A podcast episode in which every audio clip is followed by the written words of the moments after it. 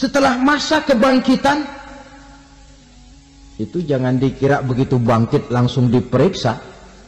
Masih menunggu menanti ribuan tahun. Perhitungan padang mahsyar. Untuk sampai kepada proses yang disebut yaumul hisab hari perhitungan.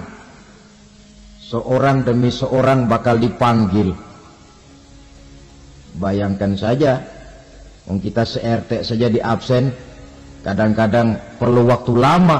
Ini manusia sejak zaman Nabi Adam sampai datang hari kiamat. Satu demi satu disidang di hadapan Qadi Rabbul Jali status sosial copot sudah waktu itu.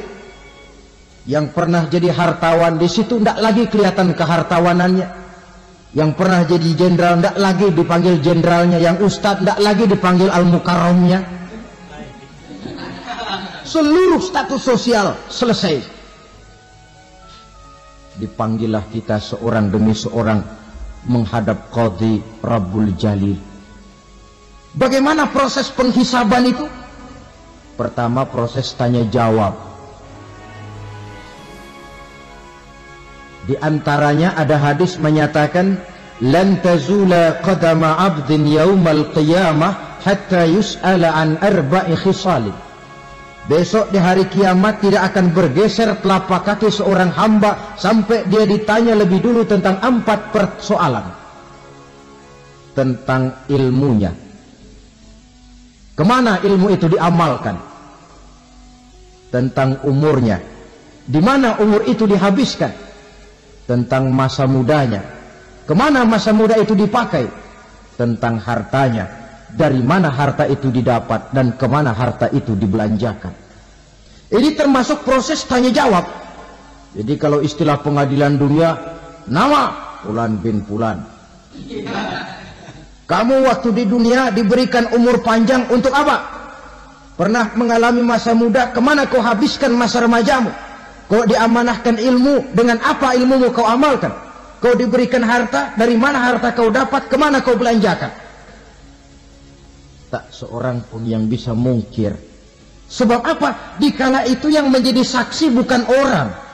Yang menjadi saksi adalah seluruh anggota badan kita. Tangan bicara kaki jadi saksi terhadap seluruh amalan yang akan yang pernah kita kerjakan pada saat kehidupan di alam dunia ini.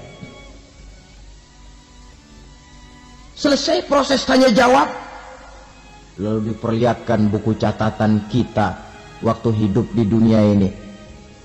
Jangan lupa Allah itu menyiapkan dua super komputer kepada kita. Sebelah ditempelin sebelah kanan yang sebelah tempelin di sebelah kiri. Komputer itu namanya Raqib dan Atid dua malaikat yang apabila baik kita lakukan refleks saja akan menulis kebajikan kita jahat kita kerjakan akan tertulis. Catatan itu nanti diperlihatkan kepada kita. Waduh alangkah malunya pada saat diperlihatkan catatan kita buku rapot kita merah melulu. Barangkali diperiksa sambil diomelin brengsek lo buku merah melulu begini bagaimana waktu hidup di dunia tidak cukup diperlihatkan buku catatan kehidupan, rekaman kehidupan.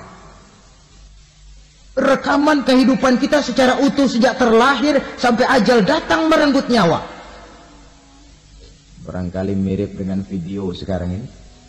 Di mana terekam dengan baik seluruh kegiatan kita sejak yang sekecil-kecilnya sampai kepada yang sebesar-besarnya. Untuk kemudian kita pun menerima balasan. In khairan fa khairun wa in syarran fa syarrun. Kalau baik ya baik balasannya. Kalau jahat ya jahat juga balasannya. Catatan-catatan kita diberikan.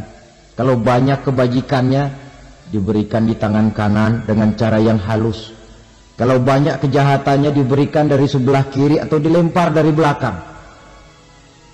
Itulah sebabnya sejak di dunia ini kita sudah mohon kepada Allah ketika berwuduk membasuh tangan kanan apa kita bilang? Allahumma a'tini kitabi biyamini wa hasibni hisaban yasira ya Allah berikan saya kitab di tangan kanan dan kalau saya memang perlu dihisap hisaplah saya yang seringan-ringannya tangan kiri berlindung kita kepada Allah jangan sampai diberikan kitab di tangan kiri atau dari arah sebelah belakang. Wa a'udzubika an tu'tiya kitabi bishimali au min wara'i zuhri. Dari arah sebelah belakang nauzubillah min dzalik